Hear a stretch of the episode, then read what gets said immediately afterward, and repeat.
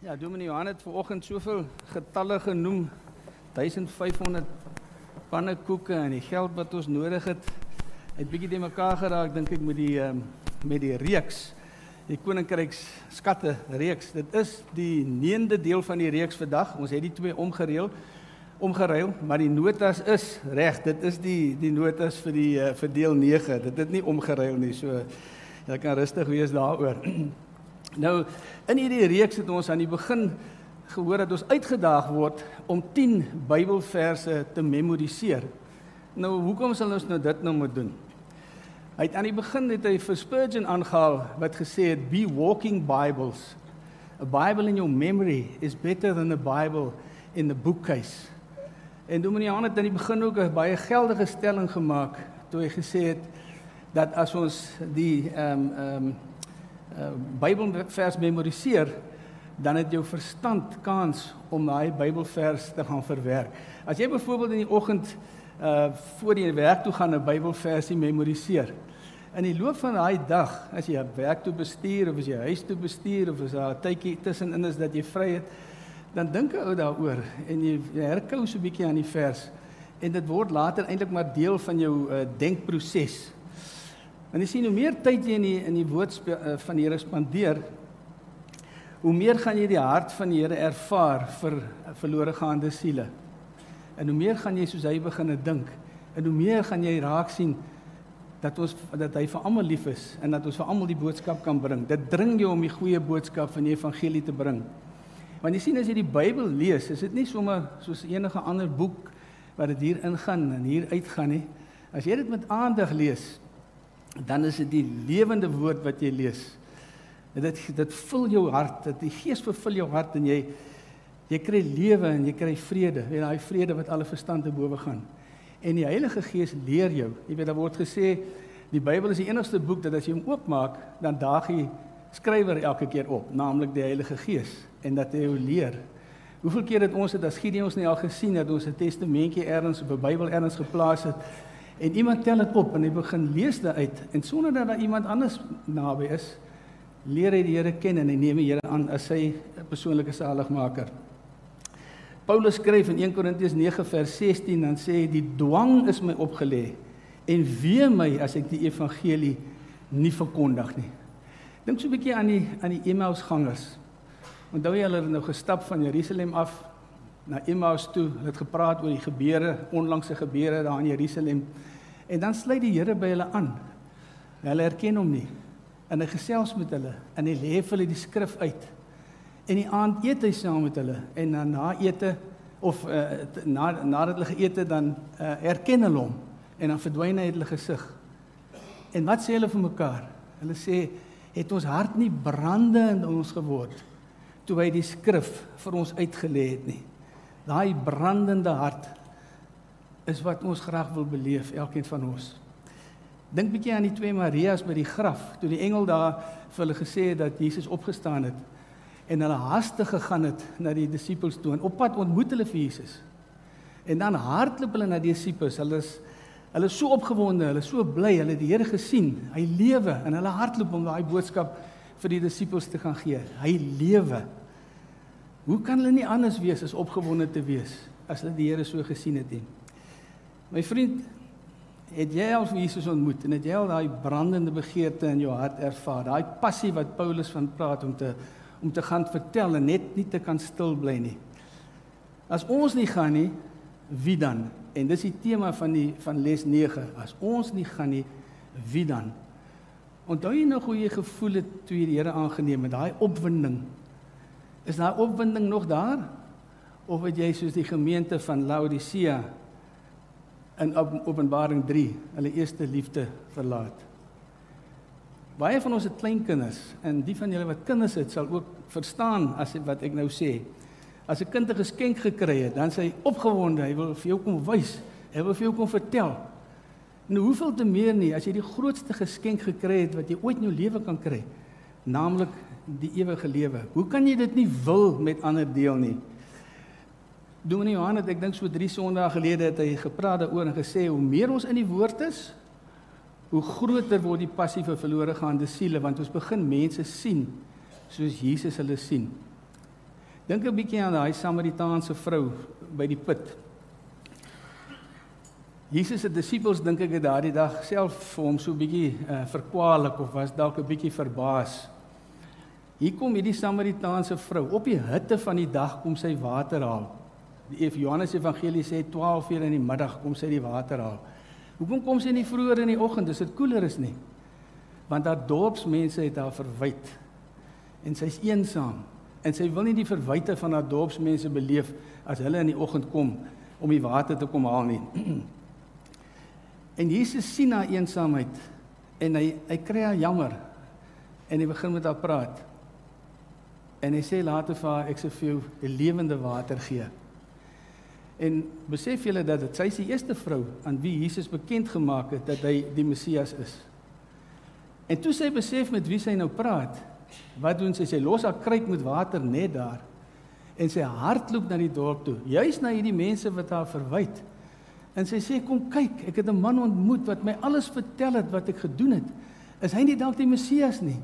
Sy's opgewonde. Sy kan nie anders as om te gaan vertel nie, want sy het Jesus ontmoet. Die Here kry haar jammer want sy's eensaam. En dan troos hy haar en praat hy met haar. En dan miskien verstaan ons beter vir Matteus 9 vers 36. Die teksvers van vandag is om net vir ons kan opsit asseblief. En toe hy die skare sien, het hy hulle innig jammer gekry. Omdat hulle moeg en uitgeput was, so skape wat geen herder het nie. Klink dit nie bietjie ook vir julle soos die mens van vandag nie? moeg en uitgeput. Dis 'n ewige gejaag na wind en daar's nie regtig vervulling nie. En hier staan Jesus nou voor hierdie skare mense. Onthou hy het nou van Nasaret af gekom. Hy's nou in Kapernaum in in Galilea en hy beweeg rond na al hierdie dorpies en die mense volg hom, skare mense volg hom. En hy's heeltyd besig en hulle kom nie eens by eet en drink uit baie keer nie. Hulle volg hom net. En nou staan hy daar en hy sê toe hy die skare sien het hulle innig jammer gevoel omdat hulle moeg en uitgeput was. Hier staan hy nou voor die skare en hy hy hy kry hulle jammer en hy wil vir hulle betekenis in hulle lewens gee. Hy wil vir hulle rus gee. Hy wil vir hulle die vrede gee wat alle verstand te bowe gaan. Maar sy bediening is net 'n bediening van 3 jaar en in 3 jaar kan hy net soveel mense bereik as wat fisies moontlik is. Maar wat nou as hy weg is? En dan sien ons wat die antwoord daarop in die volgende twee verse, verse 37 en verse 38. Toe sê vir sy disippels: "Die oes is wel groot, maar die arbeiders is min. Bid dan die Here van die oes dat hy arbeiders in sy oes gaan stuur." As Gideon ons bid ons gedurig vir arbeiders om te kom help sodat ons die evangelie so effektief as moontlik kan gaan versprei. Jy weet ons is gewoon maar net Christen uh, professionele en sakemanne uit al die evangeliese en protestantse kerke, dis interdenominasioneel. En ons het net een doelwit en dis om die evangelie van die Here te versprei deur ons persoonlike getuienis met mense met wie ons bedags in aanraking kom en ook deur die plaas van die woord in wat ons noem die verkeersweë van die wêreld. Met ander woorde plekke waar mense wat andersins nou nie in die kerk sou kom nie, die geleentheid gaan hê om die Bybel op te tel en dat die Heilige Gees deur die woord hulle hart kan aanraak. Dis nou plekke soos hotelle en hospitale, gevangenisse, Ons probeer ook vir elke graad 8 leerling in die land elke jaar 'n testament gee soos Dominee Jan nou net gesê het. En ons vrouens het ook hulle eie bedieningsarea. Hulle plaas testamente in dokters en tandartse se spreekkamers. Hulle gee vir verpleegsters, vir personeel by aftreeoorde, vir uh, vrouens by te huise vir uh, mishandelde vrouens. En as ons byvoorbeeld hospitaal toe gaan, sal hulle nou die vroue sale gaan doen wat nou nie mooi, so mooi sal lyk as die mans almal daar invaar nie. En as ons na gevangenes gaan, sal hulle die vroue gevangenes byvoorbeeld uh, bedien. Vir my was dit 'n uitstekende manier um, om betrokke te raak om die evangelie te versprei. As professionele persoon is jy ook maar besig, ons is almal besig en hier's 'n klare georganiseerde opset waar jy net kan inval en jou deel kan doen.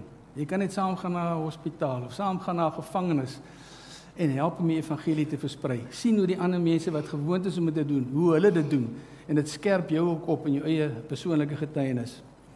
Ek was nou onlangs in uh, Lesotho gewees om die Gideons daar te gaan help na Covid. Jy weet dit alles moes nou tot stilstand gekom.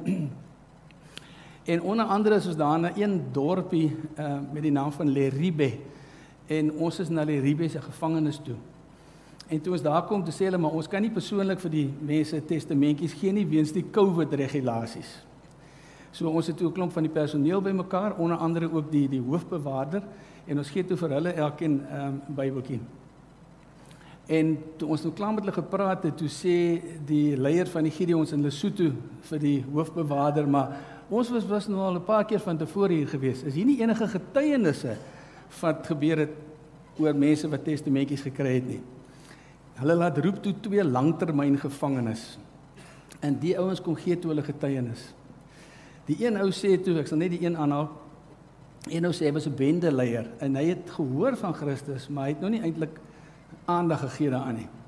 En toe hy nou in die gevangenis is, is daar 'n pastoor wat elke Sondag gekom het en met hulle gepraat het oor die Here. Hy sê aanvanklik het hy ook nog nie baie geluister nie, maar met die tyd het hy al hoe meer begin oplet en al hoe meer begin belangstel.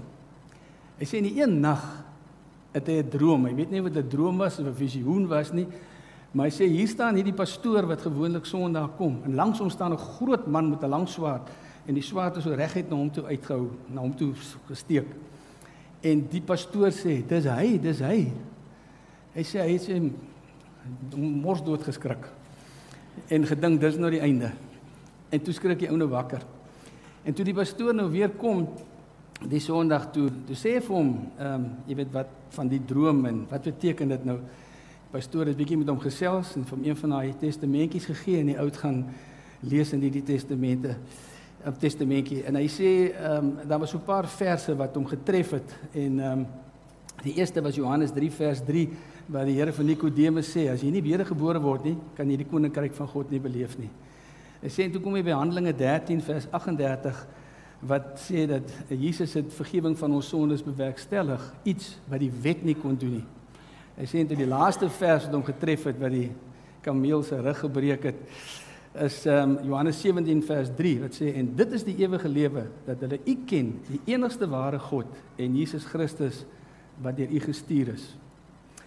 Ons is toe daar weg na die volgende dorpie toe, Mogotlong bo in die berge in Lesotho. En so 3 dae later kry ons 'n oproep van ons kontakpersoon wat by die gevangenis is. En uh, sy sê maar hier het nou iets by die gevangenis gebeur wat hulle nog nooit gesien gebeur het nie.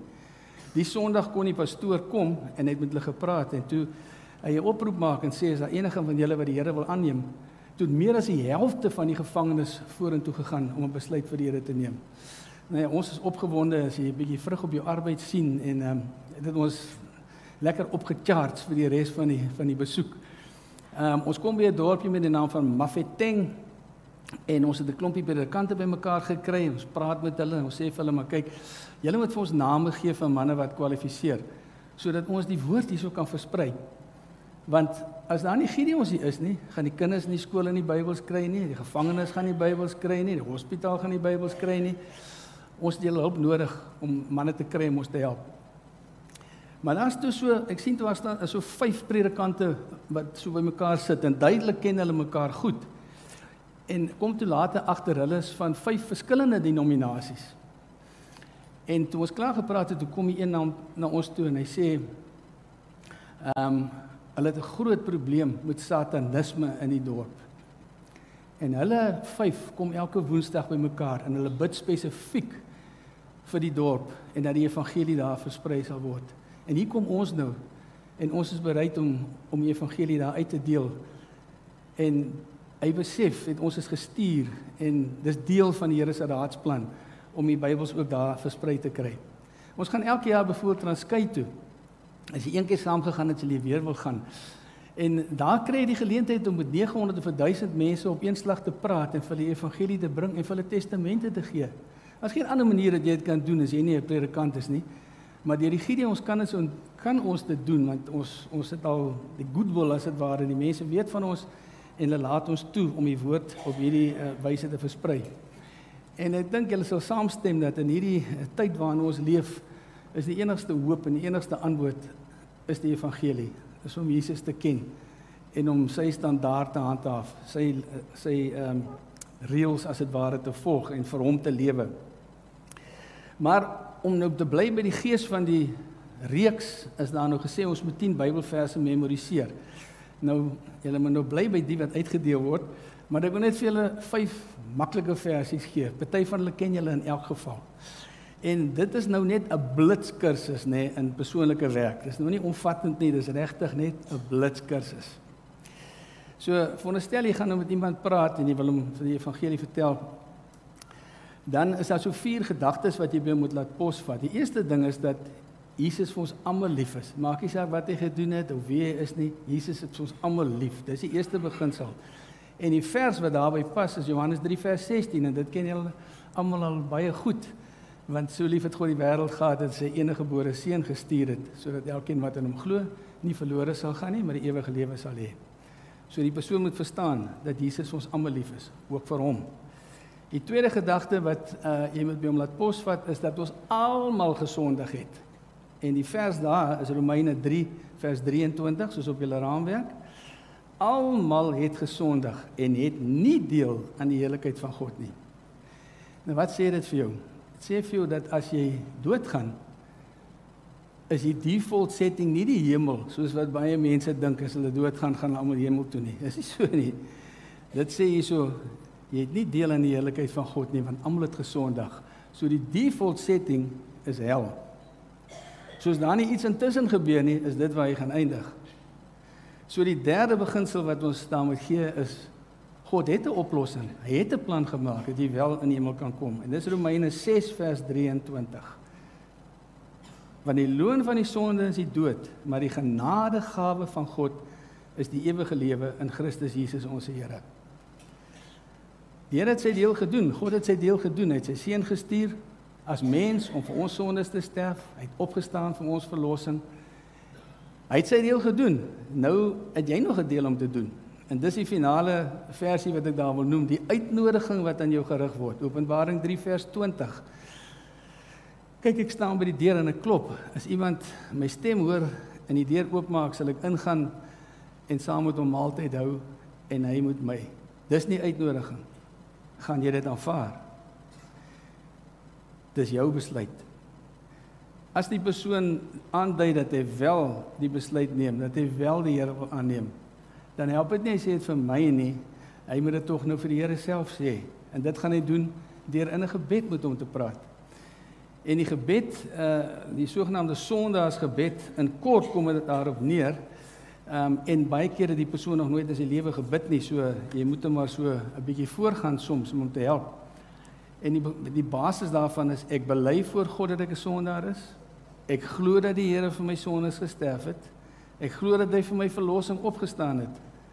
En nou bely ek hom en neem ek hom aan as my persoonlike saligmaker. Nou hierdie boekie het ons nou weer Dominee Johanel het uh, weer die boekies gekry. Neem asseblief vir jou een voor wat ek nou gepraat het van die uh, om met iemand te praat oor die pad van saligheid is daarin en hierdie ehm um, Sondagsgebed is ook in hierdie boekie saamgevat. So kryf julle daarvan sodat jy dit self kan gebruik in jou eie persoonlike getuienis teenoor mense. Ons word uitgedaag om dit te doen. En ek kan vir jou sê as jy met iemand gepraat het en hy neem die Here aan, dan jy daai hele dag eufories. Jy loop so op wat sê die Engelse cloud 9, jy weet, dis dis regtig baie baie bevredigend. Ehm um, En as hy eerlik bedoel wat hy gesê het, dan sal die Here hom aanneem. Jy weet ek vra baie keer vir mense, ehm um, as jy nou sterf, sal jy hemel toe gaan of nie? Dan sê hulle, "Wel, ek hoop so of mm, ek dink daarom so." Wel dink begin hierdie vers in Romeine 10 vers 9 en 10 wat sê as jy met jou mond bely dat Jesus die Here is en met jou hart glo dat God hom uit die dood opgewek het, dan sal jy gered word.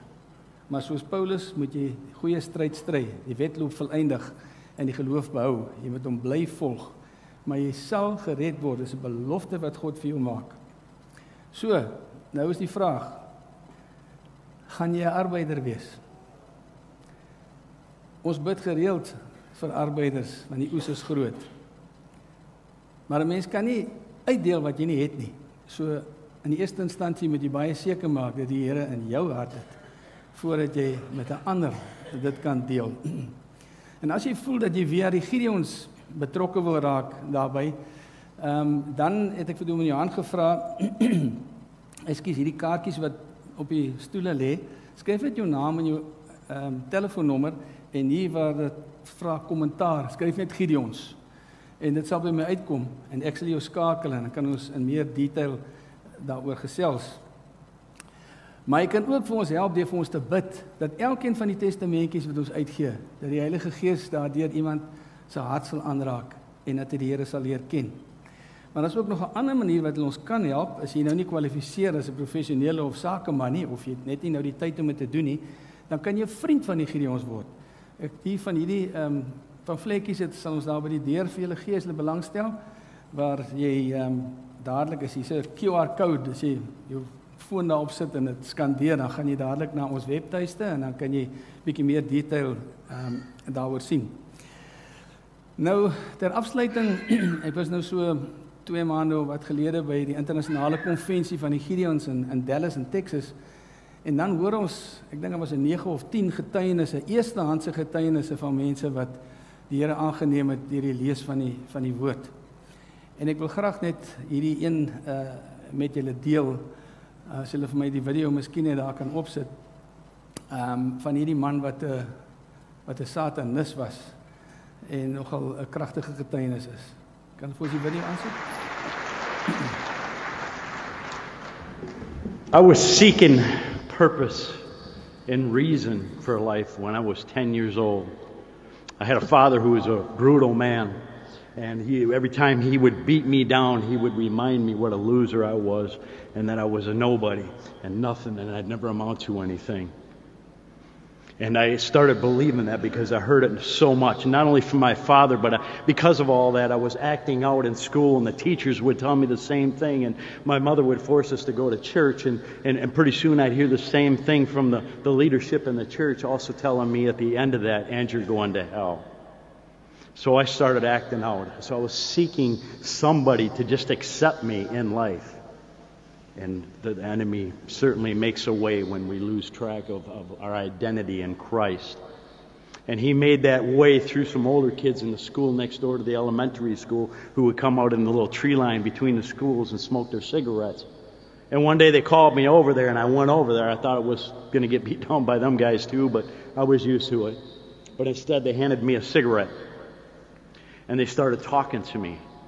And they weren't calling me names, they weren't ripping up my football cards and my Sports Illustrated magazines, and well, I was I was seeing approval here, acceptance here. And eventually that led to another cigarette the next day and, and another cigarette the next week. And pretty soon that led to marijuana and pornography at the age of 10. And then I found out these guys were into something called Satanism, and I, I didn't understand what that was. I just wanted to do whatever these guys were doing and be involved with whatever these guys were involved in. So I got involved with that.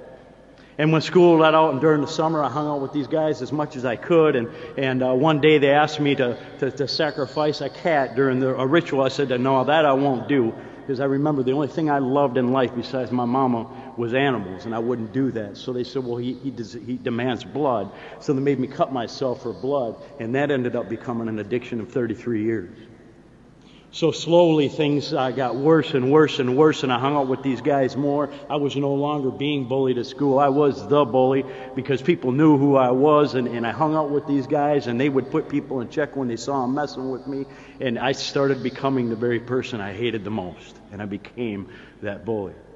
By the age of 14, things downgraded so bad with, with different harder drugs and pornography and all this. I finally got arrested at the age of 14 for bringing a bunch of drugs into school from the age of 14 to 18. Uh, I was in group homes, foster homes, shelter homes. They ran out of places to put me and threw me in two different uh, mental institutions for a year and a half. And eventually I went to Lincoln Hills Boys School, which is the, uh, the teenage prison in Wisconsin until I aged out of there. And I didn't mind being in those places. I had more drugs and, and access to almost all the places were co-ed, so I had the things I wanted anyway that I couldn't have at home. Eventually, I tried when I when I aged out of the system. I tried the army, and I got kicked out of there. And my, my hatred for people and for authority just grew and grew. I ended up uh, getting involved in a federal sting operation in 1984. Robbed 250 homes in six months. Got 10 years in prison. And it wasn't until that time where I became a dabbler in, the, in Satanism to all in. I sold my soul to Beelzebub, and all I had was 24 7 in the prison to be able to memorize rituals and, and learn about this stuff. It's what I became known for. Oh, and that's what I did for 10 years. When I got out, I started my own satanic temple in Chippewa Falls called the Tower of High Sorcery Camp. And uh, between uh, the, the year I was released there, with uh, two years later, I did a couple eight month stints for take, cutting the bracelet off my foot and, and leaving. And eventually, uh, the drugs got so bad, I got caught up in crack cocaine. My mind became crazed. I ended up getting in a three-way love triangle, and uh, I shot a man point blank because he messed with my girl. I received 18. He lived. He received 18. I received 18 years in prison, 12 years state sentence, 12 years probation for that. Did 10 years on that. Got out, went right back into the drugs. This time methamphetamine, something I said I would never do. And uh, the last six years that I spent in prison uh, during that bit. I didn't do nothing but pump iron, man. I came out, I was 185 pound rock, and it just added to my personality and people being afraid of me. And uh, within eight months of smoking meth, I went from 185 down to 135 pound skeleton. It worked on me that fast. Uh, I was to the point in my life I ended up losing a brother uh, on my neck, tattooed on my neck, Eric. I turned him on to meth. He became a meth fiend. Uh, we were out six days and nights one time on meth, and I, I brought him to his new apartment. His parents has, and family had just moved away, and uh, he fell asleep on a mattress too, that we put too close to the heat register, and he burned alive. At that point, I just didn't feel like I belonged anymore. And I attempted to take myself out by overdose and just use so many drugs I would just die. And I almost succeeded on three occasions before my final arrest. The final arrest was in uh, 19 or 2018, and uh, got caught for uh, running a drug house. Me and my new wife, and um, so here I am, 44 years old, spent 27 years in prison up to this point, didn't have any purpose, but I, I, I knew that something had to change. I was probably going to spend the rest of my life in prison, and I, I knew it was drugs, so I'm like, I'm going to self help myself off drugs, and found out there was a drug program in the county jail called uh, uh, Almond Tree, and it was a faith based program. Well, I wasn't going to go with a bunch of Jesus freaks, right? And, uh, I'll just self help myself, but the Lord pushed me, man. I didn't believe in Jesus. I didn't believe in the Bible. It was another mythology book like the other ones. And boy, I hated you people. You people putting all them Bibles in the jails and prisons and stuff, man. And and uh, so I, I went into the, you had to have a Bible to do the homework in this stuff. So I didn't want to be seen with one. I went into the library by myself one day and found one of these little pocket Gideon Bibles and stashed it down my pants, went back to my room, put it under my pillow. And after they'd locked down that night, I would pull that out and, and fill in the blanks on my homework. The homework was all fill in your blanks with Bible scripture. And uh, pretty soon I came across a verse in Psalm 51 7. It says, Purge me with hyssop and I shall be clean. Wash me and I shall be whiter than snow. And it tripped me out because it was word for word part of the cleansing rituals we perform in the occult on a daily basis. And I'm like, what is that doing here? Well, then I started justifying, right? Well, paganism was around long before Christianity. They stole this from us. And, but it started me reading this instead of just opening it up to fill in the blanks. And because I was reading truth, the Bible says, You shall know the truth, and the truth shall set you free. And well, what is the truth? Well, it wasn't all that occult stuff. It wasn't the summum bonum. It wasn't the, the knowledge and conversation of holy guardian angel. It wasn't nirvana. Jesus said, I am the way, the truth, and life. I'm not one of many ways. I'm not some way. I am the way. And that truth set me free on January 22nd, 2009.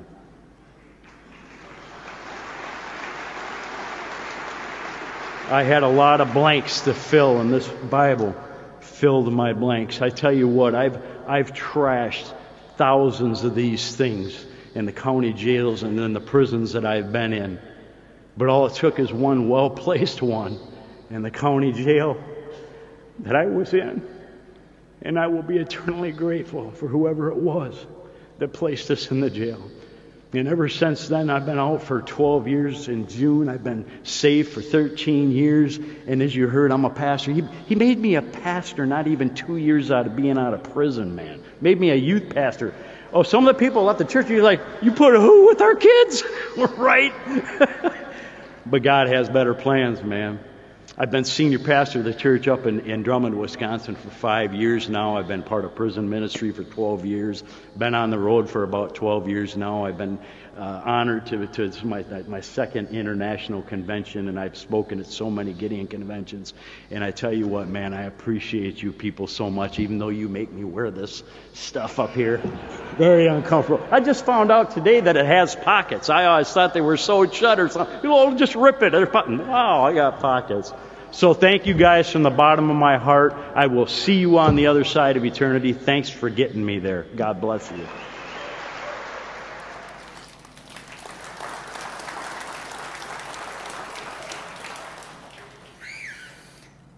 Sien dat die Heilige Gees net deur sy woord sonder dat daar iemand anders naby 'n derde persoon by is, 'n hart kan aanraak. Nou my Johannes my gevra, jy het gehoor die ou kla oor die, die das en die baadjie wat ons hom laat aantrek het toe hy sy getuienis gegee het. En ek het net daarna het ek hom in die gang raak geloop het gesien hy praat daar met iemand. En uh, en uh, daar's nog 'n foto van hom, 'n agteraansig ook. En toe ek het nou vir Rian wys te sê, "Ou, oh, maar die ou lyk nie van baie vreemd nie, hy lyk maar net na 'n biker." so Dominee Jan, baie dankie uh vir die voorreg om vanoggend so 'n bietjie met julle te kon deel en en vriende, my wens vir julle is net jou hart sal brandende word in jou en soos in die Emmaus vangers, Emmaus gangers se geval. En dat jy sal gehoor gee aan die woorde van Jesus, sy afskeidswoorde in Handelinge 1 vers 8 toe hy gesê het: "Julle sal my getuies wees in Jerusalem en in die hele Judea en in Samaria en tot aan die uiteindes van die wêreld." Kom ons bid net saam. Here ons sê vir U dankie vir wat U vir ons gedoen het, dat U vir ons gesterf het, elkeen van ons. En Here wil ons wil so graag net 'n ietsie terug doen vir U. Ons kan nooit doen wat U vir ons gedoen het nie. En ons kan nooit genoeg daarvoor vergoed nie. Here, maar ons bid dat dat U ons harte brandende sal maak. U het ons die beste geskenk gegee wat in ons lewe ooit kan kry, die ewige lewe. Here, dat ons gemotiveerd sal wees en dat ons sal uitgaan en U goeie boodskap met mense deel. En dit vra ons net in die naam van Jesus alleen. Amen.